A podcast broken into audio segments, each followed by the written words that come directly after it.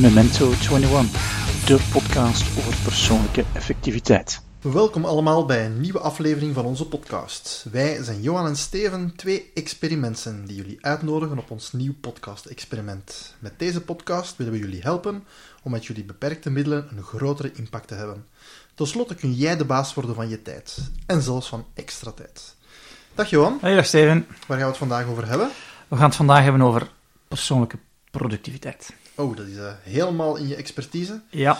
Um, ik heb dat zelfs mogen meemaken in de voorbereiding van deze podcast. Ah. Dat is niet te doen als wij met elkaar praten, dan heb ik soms het gevoel dat jij denkt in lijsten. Uh, we hebben iets van, oké, okay, we moeten iets vergaderen. Wat zeg je dat? Wacht, ik plan even in mijn agenda.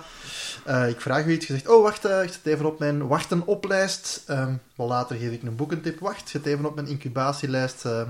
Ja, dat is precies dat dat een, een deel van jou geworden zijn. Um, ja, en dat is toch wel een beetje een misvatting, omdat misschien is dat mijn tweede natuur.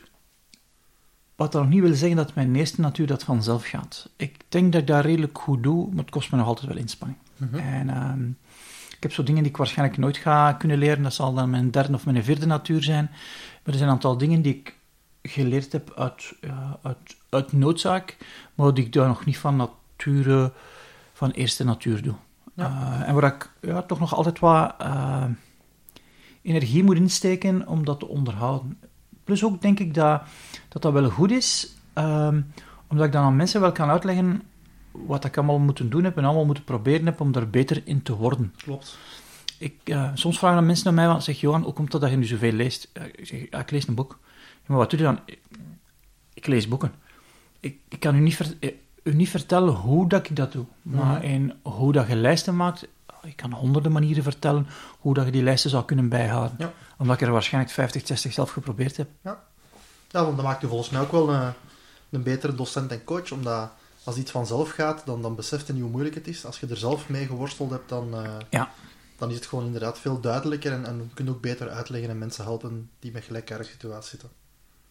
Ja, plus ik, ook, ik, heb, ik heb heel veel empathie naar hoe moeilijk dat is om um, dat consistent te doen.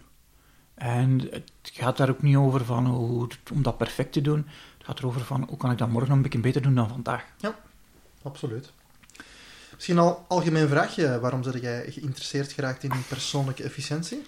Ja, dat is echt vanuit een eigen noodzaak. Uh, Zo'n jaar of 12, 13 geleden um, zat ik weer verzopen in het werk. En dat was ook niet de eerste keer. En het was ook dan niet de laatste keer. Um, maar het was toen wel een moment dat ik dacht van, oh, zo kan dat niet verder. Mm -hmm. ik, uh, ik merkte dat ik, um, als ik verzopen zat in het werk, meer begon te werken. Um, ja, uh, langer op het kantoor zat, werk meenemen naar huis. Dus uh, iemand betaalde daar, ja, tijd voor. Hè. Dat was uh, ik zelf die dan niet ging gaan sporten of niet ging gaan, uh, mijn, mijn vriend niet mee ging naar een, uh, naar een optreden. ik was ook veel minder thuis. Um, en dat, dat was niet meer oké. Okay. Ja. het geschuifel tussen de privé en werk was voor mij niet meer oké. Okay. En dan ben ik geïnteresseerd geraakt ja, in een zoektocht om, om, om, om persoonlijk efficiënter te worden. En het grappige is dat ik nu denk van hoe is dat nu mogelijk? Ik was zo hard bezig met efficiëntie bij Colruyt, dat, dat ik die trucken niet transponeerde naar mijn eigen werk. Mm -hmm. Nu denk ik van, al wat ik gedaan heb met werkvereenvoudiging voor Colruyt, had ik ook voor mezelf kunnen doen. En dat ben ik later ook beginnen doen. Ja. Maar mijn frank was gewoon niet geval. Zo de oplossing dicht bij mij, maar ja, het inzicht niet van, oh ja, dat zijn ook processen. En ik kan uh, dat push-pull verhaal, die we in, uh, in, in de eerste podcast en in de tweede even behandeld hebben, dat kon ik even goed toepassen op mijn, op mijn lijsten. Ja. Alleen had ik dat inzicht niet. Had ik dat inzicht niet. En dat heeft dus voor mij uh, een weg geweest van vallen en opstaan, van zoeken, van proberen, van niet lukken, van fouten maken, van dan merken dat ik ben daar niet de enige in, gelukkig. Ik, ik, ik merk dat we allemaal in dezelfde boot zitten dat op uitzonderingen na merk ik dat we bijna allemaal moeite hebben om ons te organiseren, geconcentreerd te blijven, om nee te zeggen. Het zijn de uitzonderingen die dat van nature doen. Ja. En dat is wel mooi. En dat is ook geen excuus om er niks aan te doen. Mm -hmm. Wat maakt dat je denkt van, oh, Het is normaal. Oef, oef, ik ben normaal. Ja. Dus beste luisteraars, jullie mogen allemaal een oefgevoel hebben. Uh, we maken allemaal de... Ja, we maken allemaal heel veel fouten. We moeten allemaal heel veel zaken leren. Uh, niemand van ons kan dit bijna van nature. Um, kunt u misschien zo'n overzicht geven van de, de meest gemaakte fouten, fouten bij persoonlijke productiviteit? Ja, ik ga ze eerst gewoon opsommen in, okay. in, in, in een lijstje. En dat is een lijstje van 100, 200? Of, uh... Ja, ik heb gekozen voor de vijf. Okay. De vijf meest gebruikte.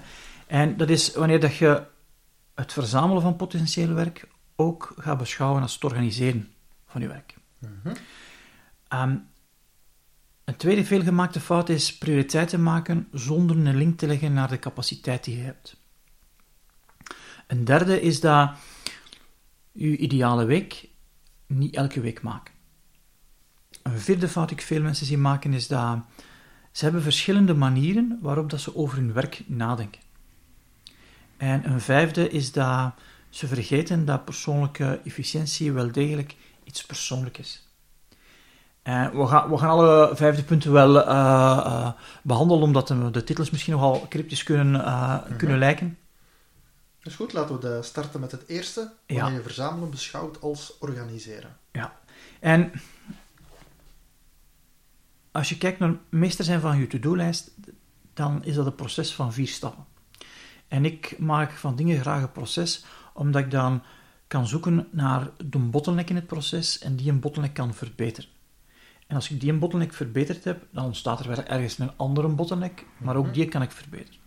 En waarom ben ik met een bottleneck bezig? Is omdat als ik de bottleneck niet optimaliseer, maar ik doe wel zaken aan dat proces, dat dat allemaal verloren tijd, energie, en aandacht en centen zijn, ja. omdat je niet meer output hebt. Ja. En daarom dat ik ook graag dingen in stukjes kap en zo processen zie.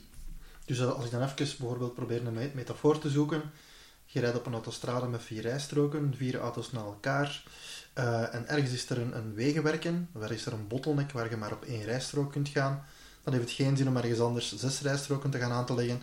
Die een bottleneck gaat je beperken in, ja, in de throughput. Ja, van, ja, absoluut. Ja. En het is, het is zo, verbeteren is continu gaan zoeken naar je volgende bottleneck. En hoe vind je die bottlenecks dan? Dat is niet altijd evident, maar dat is analyse gaan doen. Ja. Dat is als een ingenieur gaan kijken van, oké, maar waar gaat fout? Is die fout nu de grootste fout? Uh, dat is procesanalyse gaan doen. Ja. En de vier stappen om meester te worden van je to-do-lijst is... De eerste stap is verzamelen van potentieel werk. Ik heb een idee, ik ga het niet onmiddellijk op mijn to-do-lijst schrijven. Een tweede stap is die verzameling van dat potentieel werk gaan toevoegen aan mijn bestaande prioriteiten. De derde stap is, ja, ik moet kijken naar mijn prioriteiten om daaruit te kiezen. En de vierde stap is dat ik moet doen. Mhm. En dus afhankelijk van waar dat mijn bottleneck zit, kan ik gaan kijken waar ga ik eerst op werken. Dat maakt de, de hoeveelheid werk dat je hebt om vooruitgang te zien veel gemakkelijker. En als je resultaat ziet, voelt dat ook je motivatie. Mhm. Uit ervaring weet ik dat bij de meeste mensen is stap 2 het updaten van hun prioriteiten hun eerste bottleneck. Daarna is het kijken naar hun lijsten, hun, hun prioriteiten, want de prioriteiten mhm. zitten in je lijsten. Ja. De, de, volgende stap is uh, het verzamelen en dan is het doen. Ja. En dus afhankelijk van waar een bottleneck zit, ga je een andere oplossing bedenken, uittesten, experimenteren of, of het beter wordt.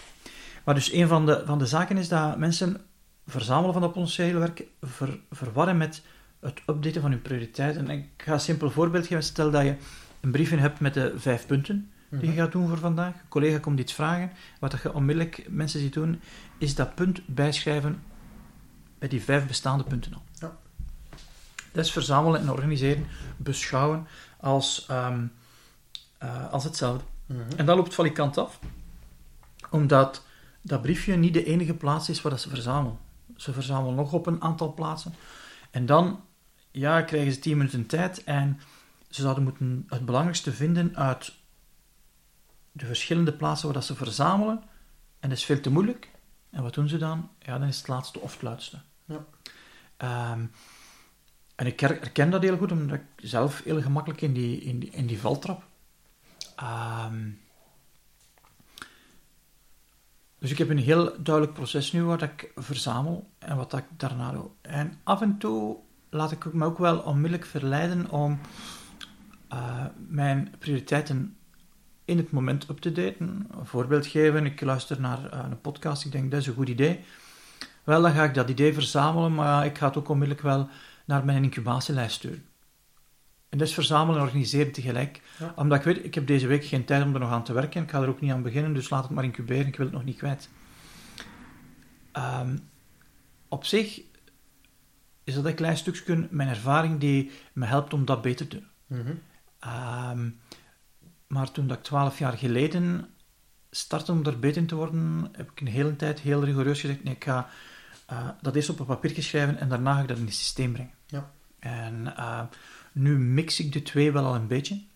Um, maar je zou kunnen zeggen dat ik het direct op de juiste lijst zet, in plaats van op ene lijst. Ja. Um, ik weet niet hoe dat je dat, dat zelf ervaart, uh, Steven, van het, het verzamelen. Als voorbeeld, heel concreet, hoe verzamel jij nu? Um, ja, ik heb inderdaad een aantal plaatsen waar ik verzamel. Een van de zaken is ook om die zoveel mogelijk te beperken. Dat was voor mij, uh, ik ga niet zeggen een fout, maar wel een, een, punt waar heel grote verbetering in zat. Ik zat met heel veel verzamelpunten. Een schriftje hier, een boekje daar, OneNote Schinder uh, in mijn portefeuille. Dus uh, dat was een eerste zaak van dat minder te gaan doen. En je sprak er juist over de vier stappen in het proces, of vier mm -hmm. processtappen. Um, dat is voor mij ook in het begin zoeken van dat, ja, enkel de, laat, laat ons zeggen, de laatste stap is dat je het effectief doet, nog los van de kleine zaken die je direct kunt doen. Om ook te leren inzien dat die drie andere stappen, dat dat ook nuttig bezig zijn, omdat je, je hebt het gevoel, ik ben hier mijn systeem aan het updaten, ik ben hier alles bij elkaar aan het brengen, ik ben hier gewoon nog maar iets aan het verzamelen.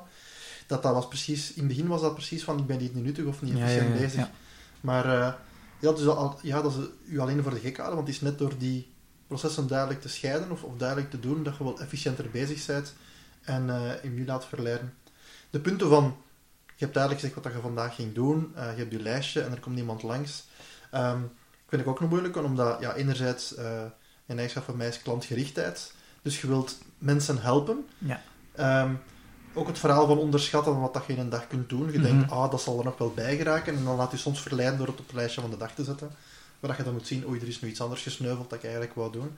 Um, en bij mij komt er ook bij kijken van, van nee zeggen. Hè, van, ja. nee, het is niet nu. Uh, nee, ik zal het dan bekijken of dan zal ik u laten weten. Um, of ik het ga doen, of ik het niet ga doen. Of, of ik het wanneer ga doen, ik of ik doen. het Ja. niet ga doen. Dus uh, Ja. nee, heel herkenbaar. Um, bij mij is ook een, een struggle in verzamelen. Um, elektronisch versus papier. Ik ben Mhm. iemand die ook graag schrijft en sommige dingen, omdat ik ook visueel ben, wil ik in schema's tekenen. Ehm, maar voor verzamelen merk ik dat dat efficiënter is om gewoon elektronisch te gaan doen. Dat kun je gemakkelijker backup en dat is gemakkelijker om bijeen te brengen. Ik wil het vooral niet opnieuw in overschrijven. Ja. Dus ehm, soms neem ik wel foto's van papieren. Dus dat is wel zo'n beetje een, een, een struggle waar ik mee zit. Ehm maar het gaat wel al, laten we zeggen, veel beter op. Op heel veel dingen al gedaan. Ehm, bij verzamelen ga ik ook soms gewoon een e-mail naar mezelf sturen die dan iets komt wat ik dan later ga oppikken en, en Ja, er niet verder mee gaan. Dus dat zijn zo de eerste zaken waar ik nu aan denk. oké. Ja. Zo, eh, mij maakt ook niet uit hoe dat je verzamelt. Zo, dit is de, wat we vorige keer verteld hebben, verzamelen is de wat. Hoe dat je dat dan doet, dat maakt mij niet Ja. uit, zolang het maar elegant is voor u. En inderdaad, als je niet te, te veel hebt, maar wel eens te veel dan. eh, want je moet die natuurlijk ook allemaal toevoegen aan uw betrouwbaar systeem. Mhm. En dus die verzamelplaats moet ik ook allemaal wel met een zekere regelmaat leegmaken. Mijn inbox is een verzamelplaats, die is dagelijks één keer leeg. Mhm. Heel tijdelijk, want als ik hem leeggemaakt heb, vallen er waarschijnlijk weer e-mails binnen. Ja. Maar ik ga er niet meer naar kijken. Dus mijn, mijn prioriteiten zijn upgedate tot op dat moment. Ehm, want stel dat ik mijn, mijn prioriteiten constant zou willen updaten met de nieuwe input die ik altijd aankrijg, het stopt nooit niet meer. Mhm. Dus af en toe zeg ik, ja, er is een verschil tussen mijn prioriteiten en de input in mijn systeem. Ja. Maar als daar niet te veel verschil tussen is, ja, dan, dan, dan, dan ben ik niet ongerust. Mhm. En bij mail, ik ga ervan uit, mensen sturen mij geen dringende mails. En als ze dat doen, dan hebben ze weg. Ja. Eh, want ik kijk maar één tot twee keer per dag niet meer naar mijn mails. Ik zie dus niet meer zoals vroeger 60 keer in die mailbox, die nu voor mij een verzamelplaats geworden is Mhm. en geen organisatietool meer. Omdat als je organiseert, waar dat je verzamelt, wat er gebeurt, is dat alles door elkaar begint te staan. Er staan de zaken op die je moet doen die dag, maar ook zaken die je nog kunt verschuiven, zaken die je zeker niet gaat doen die week, zaken waar je aan begonnen bent, maar die zodanig groot zijn dat je ze bijna niet kunt doen, Ja. Dat je dan gaat uitstellen. En dat, dat zijn geen goede lijstjes. Verzamelen en organiseren zorgt ervoor, één, als je dat in je inbox doet, dat je in een push-systeem geraakt, in plaats van een pull-systeem.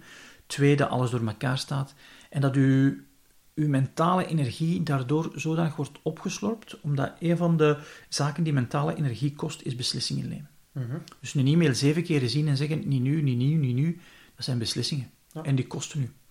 Waarmee het op het einde van de dag nogal gemakkelijk is om eh, ja, geen weerstand genoeg te hebben om die zak chips opzij te laten. Ja. En ehm, dat is waarom dat, dat verzamel wel heel goed is om dat te scheiden van het updaten van uw prioriteiten. Mhm. Ehm, Misschien nog even een vraag die ik heb, eh, dat misschien ook een aantal luisteraars gaan herkennen. Je zegt daar juist van, ik verwacht niet dat binnen een e-mail dat je daar binnen de 24 uur reactie moet op hebben. Of... Maar wat doe je als in je bedrijf zo wat de cultuur heerst van dat, dat je een e-mail binnen een half uur moet gezien hebben? Of dat zal bellen van, waarom reageert je niet op de e-mail? ja, dat moeten mensen trainen. En sommige zaken kun je niet zelf oplossen. Als dat zo'n cultuur is in het bedrijf en je zit niet op een stoel bij HR, dan denk ik dat ehm uw opdracht reikt tot het overtuigen van HR om dat op te pakken. Ja.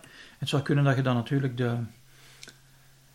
Ik weet niet of dat, dat in de meeste bedrijven is, maar in, in het bedrijf waar ik gewerkt heb, is als je met een goed idee kwam en... ehm, ehm, soms kreeg je terug dat je het mocht implementeren. Wat soms een domper is om ideeën te brengen, natuurlijk. Wat kun je daar ook doen als HR stopt, is dat jij kunt zeggen hoe dat jij met e-mail omgaat. Mhm. Dan gaan de mensen rondom u laten weten van kijk, ik ga proberen te stoppen met ehm, snel te reageren op e-mail. Ik ga e-mail tussen dat uur en dat uur doen. Ja. En ik, ik reageer niet meer direct op e-mail. Het is, het is een verwachtingspatroon dat we gecreëerd Ja, hebben. En mensen bellen, heb je mijn e-mail gezien? Wanneer heb je hem gestuurd? Tien minuten geleden. Ja, de, natuurlijk heb ik uw e-mail niet gezien. Mhm. Ik zit niet op uw werk te wachten. En- dan merk ik dan dat er sommige mensen binnen de vijf minuten antwoorden op mails die ik stuur. hè. Ja. Dus ik ben mijn inbox aan het leegmaken en iets dat ik kan doen binnen de twee minuten, dan ga ik dan doen. Ja. Ik ben nog niet aan het einde van mijn e-mails met, ze, met mijn prioriteiten te updaten, of ik krijg al antwoorden op de twee minuten antwoorden die ik gegeven heb. En dan Ja. denk ik van, zitten die dan niks te doen? Zitten die dan Ja. te wachten eh, op mijn werk? En vroeger zou ik gedacht hebben, ja, dat zijn flexibele en efficiënte mensen. Nu denk ik, ja, nee, die zijn niet efficiënt, want die zijn constant afgeleid. Ja. Want als dat bij een e-mail van mij gebeurt, gebeurt dat ook bij een e-mail van u dat jij ze stuurt. Dus die zijn constant afgeleid. En dus u organiseren waar dat je verzamelt, en uw inbox is zo het, het schoonste voorbeeld, dan zit in een push-mode. En dat is, dat is voor persoonlijke productiviteit niet goed. Ja. Je organiseert ook niet werk in uw brievenbus aan huis. Mhm. Je doet dat niet. Ja. Organiseert dat ergens anders. En maar die twee goed scheiden helpt om dat inzicht te krijgen van oké, dat is wat er gebeurt, alles staat door elkaar. Er is veel te veel keuze, waardoor dat we geneigd zijn om niet te kiezen. Mhm. En dan uw prioriteiten maken is één zaak, maar dan uit uw lijstje kiezen is een tweede zaak. Mhm. En als je niet geneigd bent om te kiezen, doe je wat het laatst op je bord gekomen is of het meest gemakkelijke. Misschien nog kort, want het gaat er juist over een eh, elegant systeem. Ja. Ehm, als ik denk terug aan de, de tien geboden van de intro-aflevering, op gebod 1 staat bovenal gebruik één betrouwbaar elegant systeem. Ja. Misschien kort de, de verschillende woorden toelichten, want ze zijn allemaal belangrijk. Ja. Eén is belangrijk omdat ik merk dat als je meerdere systemen gebruikt om je to-do-lijst in te organiseren, dan als je 10 minuten krijgt, is te veel te moeilijk om die consolidatie in die 10 minuten te doen. Ja. En ik wil, daar, eh, ik wil daar geen energie meer in steken, want dat kost veel te veel energie. Elegant. En elegant staat voor mij, het gaat over de hoe. Mhm. Ik maak mijn lijstjes in Outlook.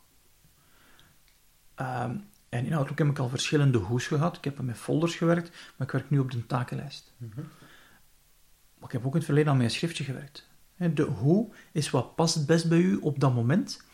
En wat kost u het minst moeite om in orde te houden. Ja. Omdat als je een tool moet in orde houden die je energie kost, dat, ik hou dat niet vol. Ja, klopt. Ik laat dat los op een bepaald moment, of ik begin er zelfs helemaal niet aan. Mhm. Betrouwbaar, omdat als ik het niet betrouw, ga ik het ook niet loslaten en stop ik de dingen opnieuw in mijn hoofd. En mijn hoofd dient niet voor dingen vast te houden die ik nog moet doen. Ja. Mijn hoofd dient om over zaken na te denken, maar niet om te zeggen, hey, Johan, je mag geen lampen vergeten als je naar de winkel gaat. Mhm.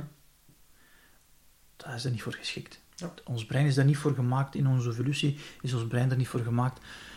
Ik zou kunnen vergelijken zoals een medewerker die goede capaciteiten heeft. Wel, je gaat die ook niet inzetten op plaatsen waar dat hem zijn goede capaciteiten niet kan gebruiken. Ja. Uw brein heeft goede capaciteiten, dat is nadenken over zaken. De slechte capaciteit van uw brein is dat u niet geeft wat dat je zou moeten doen op het juiste moment. Mhm. Probeer dat ook niet te doen. Probeer dat ook niet te doen. Dat werkt niet. Ja. Ehm, Het werkt niet. En anderzijds, als je het uit je hoofd doet, heb je ook rust, omdat je weet van ja. mijn to-do's zijn ergens waar ze goed zitten. Ja, je bent veel meer... Ja, sommigen zouden zeggen in het moment, je zit in het nu. Je is ook veel meer aanwezig, omdat je met je hoofd niet met al die to-do's bezig bent. ja, ja. Dus één elegant, betrouwbaar systeem. En systeem, dus omdat het een systematiek is, je hebt vier lijstjes in een kalender. Vroeger vertel ik, je hebt vijf lijstjes, maar dat schrok mensen nogal af. Nu zeg ik, je hebt vier lijsten in een kalender. Dat is minder schrikbarend. Waarom? Omdat we allemaal een kalender hebben. Mhm. We hebben ook allemaal een to-do-lijst, wat dus wil zeggen, verder, zijn er maar drie lijstjes Drie bij. lijsten, ja, ja, ja. Dus dat valt nogal mee. Mhm. Dus, maar mijn to-do-lijst valt uit elkaar in ehm, vier lijstjes in mijn kalender. En in mijn kalender zet ik wat ik moet doen, Mhm. zodanig dat ik daar niet meer moet over nadenken. Ja. Ik moet jou bellen, woensdag, ja, dat gaat in mijn kalender staan. Ik moet u bellen. Ja. Ik moet daar ook niet meer over nadenken. Dan heb ik een actielijst voor deze week. Daar staan zaken in die ik deze week ga doen, alleen de datum dat ik ze ga doen deze week. En het uur is nog niet bepaald. Ja. Dan heb ik nog keuze om nog wel wat flexibiliteit in mijn systeem te bouwen. Mhm. De tweede lijst die ik gebruik is mijn wachten op. En op mijn wachten op staat alles waar ik nu op aan het wachten ben. Die anderen mij moeten aanleveren. Hm. Ik heb een vraag gesteld aan iemand. Ik heb er nog geen antwoord op. Dat zal nog op mijn wachten op staan. Ja. En ik wil dat niet constant zien staan. Wat vroeger gebeurde is dat dat onder een bepaalde benaming op mijn to-do-lijst stond. Mhm. Daar stond project X op en project X betekende dat ik aan het wachten was op Peter. Ja. Ik wil dat niet meer zien. Waarom? Mijn lijst wordt langer. Plus, ik moet er nog even over nadenken. Ja, er is veel meer keuze. Je zorgt jezelf stress. is niet goed voor de productiviteit. Dat is de wachten op. En als ik dat geef in, in trainingen, zeggen de meeste mensen... Waarom ben ik daar zelf niet op gekomen? Tuurlijk is dat beter van dat opzij te zetten. Het is ook de minst moeilijke lijst om te maken. De derde lijst is de masterlijst. En dat is de lijst die ik bijhoud van alles dat ik al gestart ben en nog niet af is door de acties te doen op mijn actielijst en op mijn kalender. Ja. Verder is dat iets dat ik nodig heb op het einde van de week om mij te helpen om mijn volgende week te plannen. Ja. Om dingen niet van mijn radar te laten verdwijnen, zodanig dat ik niet moet zijn, "Ah, ik was vergeten. En de vierde lijst is mijn incubatielijst. En ehm, ik noem dat incubatie omdat de dingen nog wat moeten incuberen, alvorens dat ik ze ga ofwel niet doen, Mhm. dus dat ik ze ga deleten, ofwel of dat, voordat ik ze ga actief maken, of dat ze nog een week of twee weken gaan blijven staan op die incubatielijst, omdat ze Ja. nog niet klaar zijn om ofwel in actie te zetten ofwel te killen. Ja. En mijn to-do-lijst, die voor de meeste mensen een ongelooflijke grote lijst is, valt dus uiteen in lijsten die kleiner zijn. Mhm. En het grote voordeel is dat, als we dan straks met het tweede punt gaan, dat we onze actielijst voor deze week zodanig kunnen construeren dat die leeg kan zijn. Mhm. Dat je op het einde van, een, van de week een lege lijst kan hebben. Een haalbare, realistische lijst. Ja. Kunnen zeggen, hij is Een, af. een doelbare en een doenbare lijst kan hebben, zodanig dat je kunt zeggen, yes! Ja. En dat is voor de meeste mensen nu frustratie, die zeggen, ja, maar op het einde van de week heb ik meer zaken bij mijn to-do-lijst bijgeschreven Ja, dan eraf gegaan zijn. Ja. Oké, nog wat zaken rond wanneer je verzamelen beschouwt als organiseren? Of kunnen we naar het tweede punt gaan? Ik heb nog een aantal heel concrete tools die ik gebruik. Mhm. Eén is een appje eh, op mijn telefoon dat noemt Captio. Zal ook een link zetten in de show notes. Eh, bestaan ook alternatieven voor andere besturingssystemen van uw telefoon. Eh, Captio werkt alleen op iOS. En dat maakt dat ik met Captio een e-mailtje kan sturen naar één enkel adres. Mhm. Ik heb daar mijn eigen adres in gegeven. Dus stel dat we iets afspreken, wat zal ik dan doen? Ik zal mijn telefoon eh, bovenaan, ik zal beginnen duimen wat dat we afgesproken hebben. En dat stuur ik dan naar mijn, mijn inbox. Een e-mail naar jezelf. Een e-mail naar mezelf, ja. En ik heb daar nog codewoorden aan toegevoegd. En Outlook Bij mij is Outlook erkent die codewoorden en gaat dat dan onmiddellijk op de juiste plaats zetten. Ja. Dus ik heb eigenlijk het proces dat ik vroeger manueel deed, nu een klein beetje geautomatiseerd. Mhm. Automatiseren is wel een van de trucken die ik gebruik ja, om extra tijd te krijgen. Ja, absoluut. En dat denk ik, dat is de belangrijkste in, in OneNote. Ik gebruik ook OneNote om, om te verzamelen. En wat ik daar heel specifiek doe, is dat verzamelen doe ik ook heel apart van het organiseren. Dus ik heb één OneNote, één notebook in OneNote, die ik alleen gebruik om te verzamelen. Ah, oké. Dus ik maak van ehm, elke maand is een sectie en elke dag eh, heeft zijn eigen datum. heb, een ver- heb ik een vergadering op een bepaalde datum, dan zal ik een nieuw blad maken in, ehm, in OneNote met een titel en dat zal ik daarna kopiëren bij het dossier. Maar Ah, ik zal het ook nog samenhouden in die verzamelboek. Zo heb ik nu in feite zo een soort schriftje, Ja. Chronologisch, wat ik eh, ben tegengekomen, welke vergaderingen dat ik gehad heb, welke inzichten dat ik gehad heb. En die heb ik dan gekopieerd waar dat hoort. En dat is wel het leuke om digitale. Ik heb altijd al schriftjes gehad waar ik chronologisch dingen opschreef. Maar ja, dan kun je, kun je het moeilijk uitscheuren en erbij zetten en gaan overtypen, dat Ja, doe je niet. Ja. En door het digitale is het makkelijk om, om te kopiëren. Ja. Dan denk ik van, dat zijn zo een aantal punten om, dat, een, van, om een van de fouten ehm, ja, een mouw aan te passen. Zullen we nu naar het tweede punt gaan, Steven? De tweede fout die we... Goed idee. Ehm, fout 2 was wanneer je je prioriteiten bepaalt zonder een link te leggen naar je capaciteit. Ja. Ik weet niet of onze luisteraars dat, dat zullen herkennen, ehm, maar mijn to-do-lijst was altijd te lang. En ik bleef daar ook dingen bij schrijven. Ehm, met als gevolg frustratie en soms zelfs gewoon loslaten van die ellendige to-do-lijst, omdat ik daar toch ging van verliezen. Mhm. En ik had de cursus GTD gevolgd bij David Allen en daar heb ik wel geleerd van een goede actielijst te maken. Maar wat ik daar niet geleerd had, was van die een actielijst te matchen met de ruimte die ik nog had in mijn, ehm, in mijn kalender. Want ja, in mijn kalender staan de dingen die ik moet doen. Ja. Dus uw kalender is in feite ook een actielijst, maar de beperking om die actie te kunnen doen wordt bepaald door een datum of het uur. Mhm. Dus ik moet jou woensdag bellen. Als ik jou woensdag niet bel, heb ik een probleem. Moet ik u donderdag niet meer bellen. Ja. Dus de, de, de, de beperkende factor is, het moet woensdag zijn voordat ik Steven kan bellen. Op mijn actielijst, in een ideale wereld, zou dat passen in de lege ruimte van mijn actielijst. Ja, van mijn kalender. En op een bepaald moment heb ik het inzicht van, wacht eens, stel nu dat ik eens dat elke week doe, en ik zorg ervoor dat die actielijst in die lege ruimte past. Dat ik dus, in, voordat ik begin mijn planning te maken, bepaal hoeveel tijd wil ik nu feitelijk werken. Terwijl ik het vroeger anders deed, ik begon te werken vanuit mijn actielijst en ik, ik zag wel waar ik geraakte. Ehm, en dat was wel een bottleneck voor mij, want ik merkte zo de eerste weken, was ik enthousiast omdat ik een nieuw inzicht had eh, eh, ontdekt en, en bleef ik ook met, met dat lijstje bezig. Maar ik, ik merkte dat ik toch nog een aantal andere bottlenecks had. Zo niet goed kunnen inschatten. Mhm. En nu kan ik dat ook beter uitleggen hoe, waarom dat, ehm, zo een actielijst hebben per week een beter idee is als dat niet te doen. Omdat als je wilt beter worden in je to-do-lijst, heb je iets nodig dat je vertelt of dat goed geweest is of niet goed geweest is. Feedback. Dus je hebt een feedback nodig. En, maar als je geen referentiepunt hebt, heb je ook geen feedbackmogelijkheid. Ja. Dat is zoals een thermostaat zonder basistemperatuur, die gaat nooit werken. Mhm. In het verleden had ik dat dus gewoonweg niet door.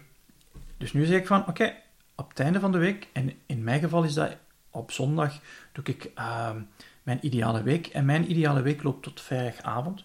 Dus vrijdagavond, idealiter, is mijn lijst leeg. Dat is het referentiepunt. Ja. Als die niet leeg is, wat gebeurt er dan? Ah, daar kan ik iets van leren. Waar dat ik vroeger van mijn lijsten niet kon leren, omdat, ik, ja, omdat ze altijd doorliepen. En eh, dat is toch wel een inzicht geweest die mij heel hard geholpen heeft om beter te leren schatten, om ehm, ook om beter zelfs te zien van, oh, oh, dit project moet ik niet zelf op mijn eh, bord leggen, want als ik het zelf op mijn bord leg, ik heb te weinig capaciteit, het gaat te lang duren. Ja. Een volgende stap is zelfs geweest van te zeggen, oh, wat ik hier moet doen, is ik moet zorgen dat de masterlijst, mijn begonnen projecten, dat ik niet zoveel projecten tegelijkertijd start. Want ja, hoe meer dat ik mijn capaciteit moet verdelen over meerdere projecten, hoe minder dat ze vooruit gaan. Dus het is zo een inzicht geweest die een aantal zaken ook hebben in gang gezet om beter in te worden. En, en, ik, en ik weet nog dat jij ook in, in, in de workshop Master Your To-Do List zei van, Mhm. oh, maar dat is nu een inzicht voor mij geweest, maar ook wel een pijnlijk inzicht, hè. Ja, zeker. Inderdaad, als ik de, de eerste keer de oefening deed, kwam ik uit op een eh, negatieve capaciteit. Dus ehm, ja, dan merkte ik van, dat kan hier gewoon niet lukken, er ligt gewoon te veel op mijn bord. Dus eh, ja, dat was een serieus een eye-opener. En eh, ja, ik herken alles wat je zegt en dat zijn ook inderdaad zaken waar ik beter en beter in geworden ben. Ehm, het is heel fijn om van een algemene to-do-lijst die inderdaad eeuwig gegroeid naar een to-do-list per week te gaan. Dus dat heb ik nu ook en dat, dat is haalbaar, dat is realistisch, dat kun je tenminste afvinken. En heel belangrijk inderdaad ook leren elke week. Ehm, uit, ja, heb ik goed ingeschat, heb ik niet goed ingeschat. Ehm, wekelijks, dat is, ja, je hebt, zeven, je hebt zeven dagen, dus dat is voldoende, maar het is ook kort genoeg om genoeg cyclus te hebben om, om snel te gaan leren. Dus eh, dat zijn zaken die me ook ongelooflijk hebben geholpen om het allemaal duidelijker te maken. Ehm, en je probeert dan een aantal zaken tegelijk te gaan werken. Ehm, zijn de, van waar mogelijk capaciteit extra te maken. Daardoor heb ik wel meer de vraag gesteld van moet ik bij deze vergadering aanwezig zijn of niet? Kan ik Ja. die gewoon niet schrappen? Of moet dat zo lang duren? Ehm, ook nadenken over natuurlijk, eh, in het begin dacht ik nog te veel aan werk in de zin van wat moet ik doen, maar ook tijd inschatten om te verzamelen en te organiseren voor Ja. alle stappen in te plannen. Ehm, het is ook wel leren uit ad hoc tijd, want een deel kunnen we wel inschatten, maar er zijn altijd wel ad hoc zaken die onverwacht afkomen die je niet kunt uitstellen. Dus om daar ook wel wat realistischer in te zijn. Eh, ook minder projecten tegelijk, heel Ja. herkenbaar. Eh, ofwel gaan die dan heel traag vooruit, ofwel ah ja, dus Ja. minder projecten en, en duidelijker focussen is, eh, is een belangrijke. En leren schatten, ehm, ja, dat zal ook wel een levenslang proces zijn. Ik heb, vooral als ik zo, ja, het schrijven van documenten of, het, of, of werk gaan doen, denk ik vaak van, eh, het gaat minder lang duren, dus daar leer ik uit wel uit Ja. ervaringen van dat ik dat lang moet doen. Ehm, wat ik daar ook heel vaak voor gebruik, dat is ehm, de techniek van, van Pomodoro. En ook van te zeggen, oké, ik ga 20 minuten aan, aan iets gaan werken. Ehm, en dat dwingt mij één om, zaken in te schatten die klein zijn. Want Mhm. het is heel, je kunt ook zeggen, ik ga een dag eraan werken, maar dan zit je heel vloe aan het schatten. Dus ik probeer zaken klein te gaan doen.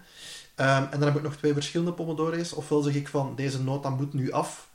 Dus dan zeg ik, oké, ik ga nu werken totdat ze af is. En ik, ik vermoed dat ik er drie voor nodig heb, want dat is telkens een eh, cyclus van voor mij dan 20 minuten.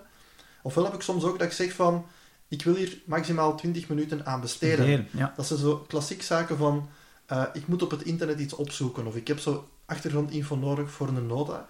Ehm, in het verleden merk ik ook dat ik me daar kon in verliezen, of dat je dan ineens soms zegt van, oei, ik ben anderhalf uur verder. Ehm, het feit is ook, je kunt ook soms aan een presentatie blijven werken en blijven werken. Dus dan heeft mij dat ook geholpen om te zeggen, oké, ik schat dat in op zoveel. En dan ook tegen mezelf zeg, je krijgt er ook maar zoveel. Ja. En dat zet je dan ook in een andere mindset. En achteraf merkte van, hé, hey, dat lukt. Ehm of het resultaat is wel oké. Ja. Dus eh, ja, er komt heel veel bij kijken bij, bij capaciteit, ideale week maken, beter leren schatten, capaciteit vergroten waar mogelijk, Ja, nadenken over vergaderingen. Dus ja, dat was voor mij een heel belangrijke. En absoluut. En, en je hebt het al aangehaald, die ideale week, en dat is, dat is het derde punt. Zo, en, en, en ik snap dat dat een hele moeilijke is. Wat is de ideale week? Feitelijk is dat elke week een moment nemen om je volgende week voor te bereiden. Mhm. In feite, wat ga je daar doen, is je gaat je een actielijst voor de komende week maken. Ja. En je actielijst van de komende week ga je maken aan de hand van je kalender van de komende week, aan de hand van je wachten op, aan de hand van je masterlijst en aan de hand van je incubatielijst. En voor veel mensen is dat een heel moeilijk proces, omdat mijn theorie is, is, is ja, ik heb niet het gevoel dat het iets opbrengt op dat moment. Verder zie maar het resultaat op het einde van de week. Ja. En dat is dus wel heel lang voor ons brein om in te, in te zien van, het is wel goed om dat te doen. Ehm, en daar struggelen heel veel mensen mee. Mhm. Uh, als ik zo terugkomsessies heb in bedrijven en, en, en, en ik vraag rond en ik hoor een aantal mensen problemen vertellen en ik van, maar doe je die ideale week? Moeten ze meestal zeggen, uh, nee, dat heb ik nog niet eh, onder controle. Dat is de, dan is dan dat een volgende bottleneck. Mhm.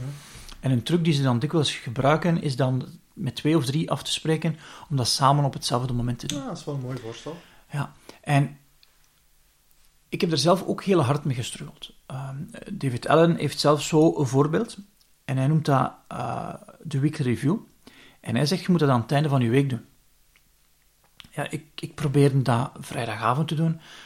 Alleen weet ik nu, als ik vrijdagavond iets moet doen, mijn mentale energie vrijdagavond is minder dan op, in de morgen bijvoorbeeld. Dus als ik iets moet doen waar dat, dat ik niet van nature doe, heb ik heel veel mentale energie nodig. Anders heb ik zoveel weerstand dat het makkelijker is om iets anders te doen. Mhm. Dus moeilijke dingen ga ik nu doen wanneer ik veel mentale energie heb. En de ideale week doen, ja, in het begin was dat iets moeilijk. Ehm, nu valt dat mij makkelijker om dat te doen. Waarom? Omdat ik dat proces al dikwijls gedaan heb. Je zei dat, uh, dat straks, daar straks ook een opname opgemaakt. Iets over mediteren. Mhm. In de vorige aflevering hadden we het over mediteren. Dat je, je hebt 10 minuten, je kunt mediteren. Dus omdat je al veel gemediteerd hebt. Ja, klopt. Voor sommige mensen moeten zijn, wel, ik ga mediteren, maar om te starten ga ik enkel in de voormiddag 5 minuten doen, omdat ik dan het meest mentale energie heb. Ja. En bij die ideale week is dat net hetzelfde. Dus ik raad mensen aan van, doe dat op momenten dat je heel veel mentale energie hebt. Ik doe dat zelf de zondag voormiddag, mm omdat ik de zaterdag ook niet werk. En dat ik dan fris ben in mijn hoofd, ik heb heel veel mentale energie en ik wil mijn week dan voorbereiden. Ja. En de ideale week doen, ik beschouw dat als de manier om mijn prioriteiten voor te bereiden. Want als je ze niet voorbereidt, kun je ze ook niet houden. Mm ja, is prioriteiten maken, maar zo, ook dan proberen te houden. Dus er zijn twee, uh, twee componenten aan het verhaal.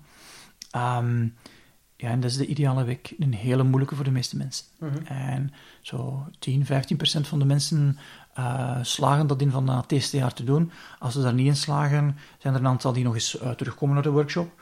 En die daar nader in slagen. Sommigen vragen ook ondersteuning om dat, om dat te doen. Um, uh, in de coachings verplicht ik mensen om dat te doen. Ja. Um, zijn er zelfs uh, strafmaatregelen als ze het niet doen? Strafmaatregelen? Ja, strafmaatregelen. We hebben zo een protocol bij de coaching. En als uh, degene die gecoacht wordt dat niet oplevert, dan mhm. krijgt hij een extra factuur. Ja. Dat zijn strafpunten. en, en, en dat is niet mijn bedoeling om die factuur te moeten uitschrijven. Nee, nee, het is mijn bedoeling om, dat ze dat zouden doen. Omdat als je dat zes keer gedaan hebt, dan voel je dat je daar baat bij hebt. Ja. En als je voelt dat je er baat bij hebt, ga je nog af en toe loslaten. Maar dan heb je een referentiepunt om te zeggen, ah, als ik het doe, dan voel ik dat. Mhm. En nu heb ik dat. Ik vind het niet oké, ah, ik zou het opnieuw graag dat gevoel hebben. Maar als je dat referentiepunt niet hebt van dat gevoel van, ik heb dat een paar weken gedaan, dan is het moeilijker om, om, om dat te gaan installeren. Ja. Omdat ik vind, ik vind dat het makkelijker is als ik, als ik een gevoel heb van, uh, zo voel ik me goed. Ik voel me minder goed ja, maar dat wil ik niet. Uh, maar als ik dat gevoel niet heb van, zo voel ik me goed, wat weet ik of dat beter kan. Mm, maar dan heb je het echt gevoel dat het beter kan, dan is het makkelijker om dat terug op te pakken. Ja. Ik ben er zeker van, uh, Steven, dat je ook gestruggeld hebt met de ideale weg. Hè? Ja, zeker. Um, ja, zeker gaat over het tijdstip, vond ik het ook geen gemakkelijke, omdat ja, vrijdag had ik zelf een probleem, um, weinig mentale energie nog en je zit al bezig met het weekend. Um, Maandag heb je wel energie, maar dan, dan begint de week natuurlijk. Dus dat is ook geen ideaal tijdstip. En ik heb ook van mijzelf gemerkt dat ik er echt wel ja, rust voor nodig heb, is misschien het verkeerde woord, maar ja, toch, toch wel een rustige omgeving. En, en even dat je kunt zeggen, ik wil even minstens een uur kunnen gaan nadenken hoe, dat, hoe dat ik mijn week wil plannen. En even uh, hoe dat de voorbije week gelopen is. Ja, en die rust vind ik dan gemakkelijker thuis dan. Dus ik doe het nu ook op zondag. Dan heb ik al wat energie um, door het weekend gekregen hangt er nog een beetje af van s morgens en s avonds, maar ja, dan heb ik genoeg energie, dus uh, dan doe ik het dan. Maar dat was in, in het begin ook voor mij zeker struggle om uh, de juiste plaats en de juiste, het juiste moment te vinden. En uh, ik merkte ook van de, de andere gewoontes die geleerd in de opleiding Master to Do's, zijn heel veel dagelijkse gewoontes. Um, en voor mij gaat dat net iets gemakkelijker. Als je zegt, elke weekdag ga ik een paar keer mijn mails doen, ik ga een paar keer organiseren. En de wekelijkse gewoontes, um, ja, die zijn net iets moeilijker, want die doe ik ook maar één keer per week natuurlijk. Wat dat voor mij hielp, was echt een, een checklist, merk ik, van... Um, in het begin te zeggen, oké, ik ga het nu echt stappen volgen, want ik moet nu dat, want er komt toch wel redelijk wat bekijken. Het is mm -hmm. net iets dat je niet op vijf minuten kunt doen. Ja. Um, en dat gaat bij mij zelfs zover dat ik altijd dezelfde muziek opzet. Dat oh, al mijn brein al bijna weet van, oké, dit komt nu, en dat komt er zorgt voor een trigger. Dat zorgt voor een trigger, dus... Mm -hmm. En um, ja, nu heb ik die checklist meer nodig, nu doe ik dat vanzelf. Ja. En ja, de ideale week geeft mij vooral heel veel rust, omdat als ik dat niet gemaakt heb, voel ik mij precies in, in reactieve mode, brandweermode. Je weet niet goed wat zijn mijn prioriteiten, wat is haalbaar, wat is niet haalbaar. Dus als je dan op het werk komt en er komt veel nieuwe zaken en je hebt geen idee over capaciteit, je weet niet van oké, wat is nu echt belangrijk, dan geeft me dat echt onrust. Dus eh, ik maak ja, de laatste maanden of het laatste jaar zeker de ideale week als, als bijna automatisme. En als ik het niet doe, voel ik direct onrust van oei, ehm, Ja. ik heb hier precies geen, geen duidelijke contouren, geen duidelijke richtlijnen van, van waar deze week belangrijk is. Dus eh, ja, en ik doe het ook zondag omdat dat handig is, omdat ik dan ook met mijn vrouw een soort... ehm, het gaat ook over de agenda natuurlijk. Ja. Dus dan kijkt ook van rond capaciteit van, van wat staat er op haar agenda, wanneer gaan we de kinderen halen, wie doet wat. Dus dat is Ja. ook een beetje een, een, eh, ja, een, een verhaal geworden van samen te bekijken en zo dan samen de, Ja. de ideale week te gaan maken. Ja, Sylvian en ik zijn ook sinds onze vakantie gestart met dat ook op zondag, nadat we eigenlijk onze ideale week gemaakt hebben. Mijn is iets uitgebreider dan die van Sylvian, van ook samen ja, een half uur te zitten en, te zeggen, laat ons nu ook een ideale week doen voor, voor, ons, voor ons gezin. Wie gaat er chef halen, wie gaat er finaal, wat wordt er gekookt, wanneer ben ik er niet, wanneer moet er wel gekookt worden. Mhm, mhm, absoluut. Zodanig dat er ook een planning komt. Ja. Ehm, en dat is, ik denk van, tjoe, is dat nu nodig om dat te doen? Ik weet het niet, we gaan dat testen. En, en merken we dat dat beter is dan tevoren, dan gaan we dat waarschijnlijk houden. Ja. Merken we dat dat niet waarde toevoegt, dan gaan we ermee stoppen. Ja. En ehm, sommige mensen zullen dat wel frikkerig vinden. Eh, Dat vind ik dus niet zo, niet zo erg niet meer. Ehm, en ik ga er ook niet over, over schamen dat we dat doen, dat we dat testen, omdat ja, we willen ook als, als, als gezin ons, ehm, ja, ons beperkte middelen gewoon beter, Ja, beter inzetten. Het is gek als je twee keer naar eh, eh, een supermarkt zou moeten gaan, als je door eh, zondag eens samen te zitten, een half uur, dat zou kunnen vermijden. Mhm. En Ja, dat, dat betaalt, betaalt zijn eigen terug. Ik kreeg in het begin de opmerking van, van gaat dan niet, gaat dan geen spontaniteit weg? Ja. Ehm, maar je krijgt net extra zaken door het feit dat je het inderdaad afstemt en, en Ja, zo doet. En, eh, maar vind, vind jij spontaniteit dat je verplicht wordt naar de winkel te rijden? Dat is geen spontaniteit, hè? Nee. Dat, dat, dat is zo een, een misvatting van mensen van, ja, maar je gaat op spontaniteit. Nee, ik ga gewoon juist meer ruimte scheppen voor spontaniteit, omdat ik niet een aantal dingen moet doen. Ja. Moeten, moeten doen is ook geen spontaniteit. ja, klopt. En, ehm, eh, maar ik begrijp dat heel goed, omdat in mijn hoofd zat georganiseerd zijn samen met saai zijn en spon- spontaniteit met leuk zijn. Ja. Ehm, en dat was een knop in mijn brein die dus heel moeilijk om te draaien was. Ik wou op het werk wel wat georganiseerd zijn, want ja, daar wordt er ook voor betaald, maar hey, pff, je moet al genoeg. Ehm, maar nu denk ik van, ja, zo een structuur hebben helpt toch heel hard. Ja, ja. En een Amerikaanse collega eh, van ons, Mike Vardy, heeft zo'n heel mooie uitspraak. Dat is ehm, freedom, eh, format fosters freedom. Hm. Dus als je een bepaald format hebt, helpt dat je om meer vrijheid te creëren. Hm. Ik denk ja, dit, dit is zo'n mooie uitspraak. Dat klopt. Alleen voor mij in ieder geval klopt dat. Ja. Misschien voor andere mensen niet, maar voor mij klopt dat in ieder geval. Maar voor mij is de ideale week eh, als laatste nog een belangrijke om te checken dat, dat ik bezig ben met de zaken waar ik mee wil bezig zijn. Daarmee bedoel ik, als ik zeg van sporten is voor mij belangrijk, is dat direct een check van heb ik genoeg sport ingepland. Ja. Gezin is belangrijk, heb ik activiteiten gepland. Ja. Ehm, of is er ruimte om de dingen te doen. Ja. Dus ehm, Ja, heel goed. goed. ehm veelgemaakte fouten 4. wanneer je verschillende manieren hebt om over je werk na te denken. Ja. En wat bedoel ik daarmee? Eh, sommige mensen gaan in hun agenda iets schrijven als ze het moeten doen, maar soms gaan ze ook iets in hun agenda schrijven terwijl dat niet noodzakelijk is van dat op die een dag te doen. Ja. En ze hebben dus een verschillende manier om over hun werk na te denken. Wat daardoor gebeurt, is dat de tools die ze gebruiken, gevuld wordt met dingen die verschillende dingen betekenen. Ja, ja, ja. Waardoor dat ze, als ze naar die tool kijken, opnieuw gaan moeten nadenken. Ja. En dat kost dus opnieuw mentale energie. En dat is niet goed. Ja.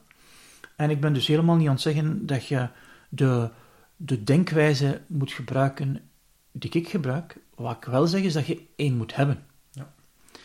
En ik zeg ook meestal tegen de mensen op een workshop is, gebruik deze. Ik heb daar uren in gestoken om, dat- om dat uit te vogelen, wat dat het meest logisch lijkt.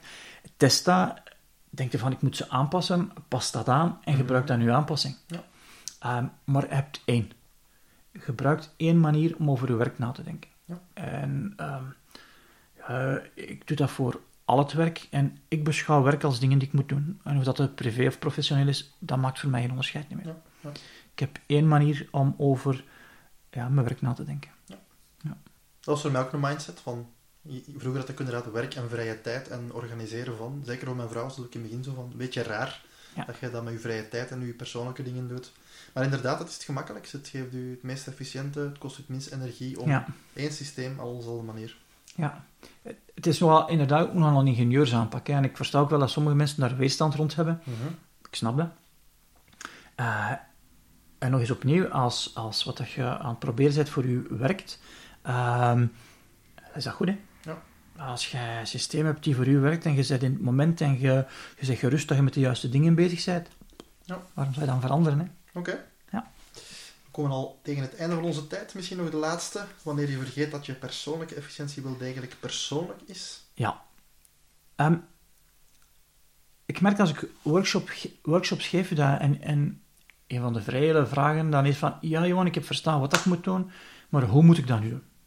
Dan zeg ik altijd, als je wilt, ga ik u tonen hoe dat ik het doe. Maar weet, ik ben hier twaalf jaar mee bezig, daar is dus constant aan gewerkt, het is nog altijd work in progress. Dus wat dat je gaat zien, als ik u toon hoe dat ik dat nu doe, ja, dan gaat het misschien overspoeld zijn. Ja. Dus als je daar geen probleem mee hebt, wil ik dat gerust tonen.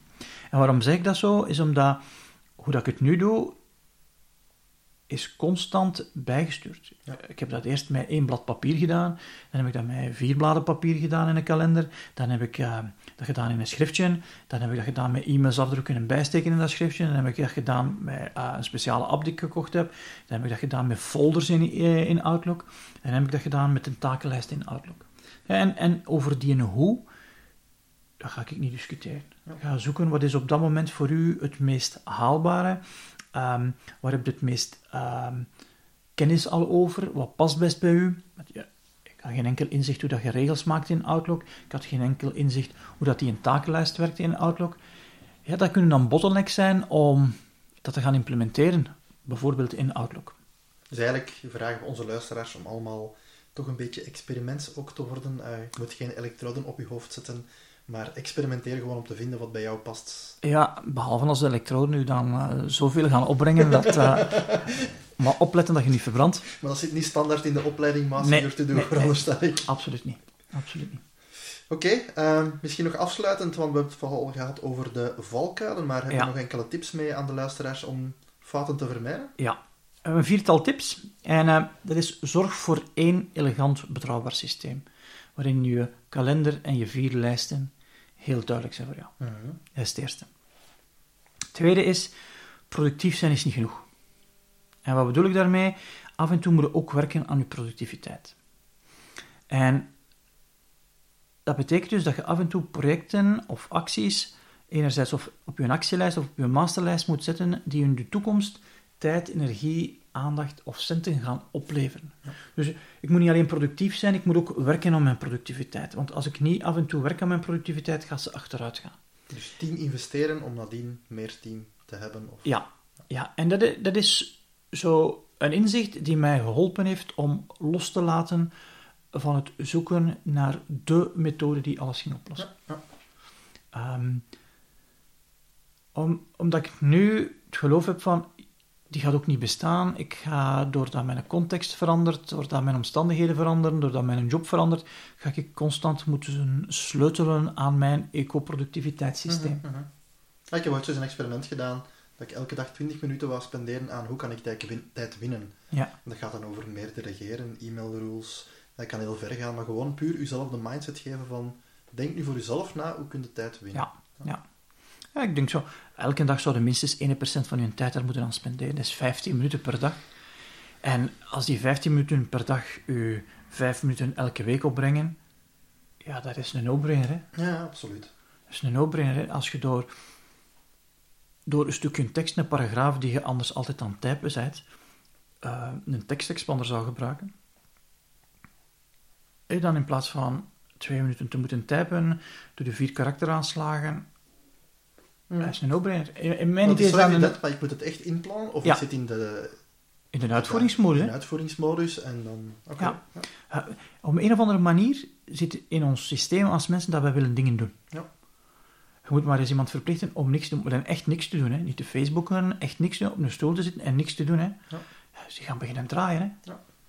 Dus ja, een reden waarom dat mensen in het gevangenis... eh, ja, hun, hun mentale gezondheid achteruit gaat. Die hebben niks te doen. hè. Ja, klopt. Ehm, dat was twee. Oké. Dus ook werken aan je productiviteit. Mhm. Vier, zorg er, eh, drie, zorg ervoor dat afleidingen steeds minder vat hebben op je. Ehm, ik was eerst van plan van te zeggen van zorg ervoor dat de afleidingen geen vat hebben op je, maar dat is perfectie. En feitelijk is dat punt vier, het gaat niet over perfectie, het gaat over vooruitgaan. Ja. Als ik honderd keer gestoord word en door iets te doen word ik maar twee keer meer gestoord op een dag, ja, dan heb ik vooruitgaan. Absoluut. Maar als mens gaan wij zeggen van, ja, maar in die 2% lukt het nog niet. Ja, so what? Mhm. Die 98 zijn al binnen. Ja. En dat is heel makkelijk om dat rationeel te zeggen, maar gevoelsmatig is dat toch nog altijd, merk ik voor mij, een, een moeilijke. Ik, mijn eerste ehm, indruk is van, ja, de methode is niet perfect, dus is het geen goede methode. Hallo, Johan, als het beter is dan de vorige, dan is het wel een goede Ja, methode. ja, da- daarom mag ik ook zo vaak om dat echt te zien, want inderdaad, je focust je zo gemakkelijk over wat gaat nog niet optimaal, Ja. dat je ziet wat al veel beter Absoluut. gaat. Dus zeker een goeie. Ja, en nog een extra. Schrijf u in voor onze workshop Master Your To-Do List. Ja, dat kan ik iedereen aanbevelen natuurlijk. En voor onze luisteraars, als je de code M21 gebruikt bij de inschrijving, voor alle workshops Master Your To-Do List dit jaar, krijg je 30 minuten extra coaching en krijg je ook nog 100 euro luisterpremie. Ehm, bege- betekent dus dat je een korting krijgt van 100 euro op de prijs. Amai, mooi cadeau, dankjewel. Absoluut. Oké, bedankt voor deze tips en deze korting. Eh, waar gaan we het in de volgende podcast over hebben? Ehm, vorige week had ik eh, volgens jou nogal een bouwde uitspraak, in, Mhm. uitspraak gedaan om te zeggen dat 80% van de productiviteit gemaakt wordt in de keuken. Absoluut. En eh, we zullen het hebben over voeding. Oké, Ehm, we hebben ook nog in de show notes deze week eh, ga je een vragenlijst kunnen downloaden waarmee je je persoonlijke productiviteit kan zelf evalueren. Dit is een lijstje die je kan invullen en kan zien waar je grootste bottlenecks zitten Mhm. om daar iets aan te doen.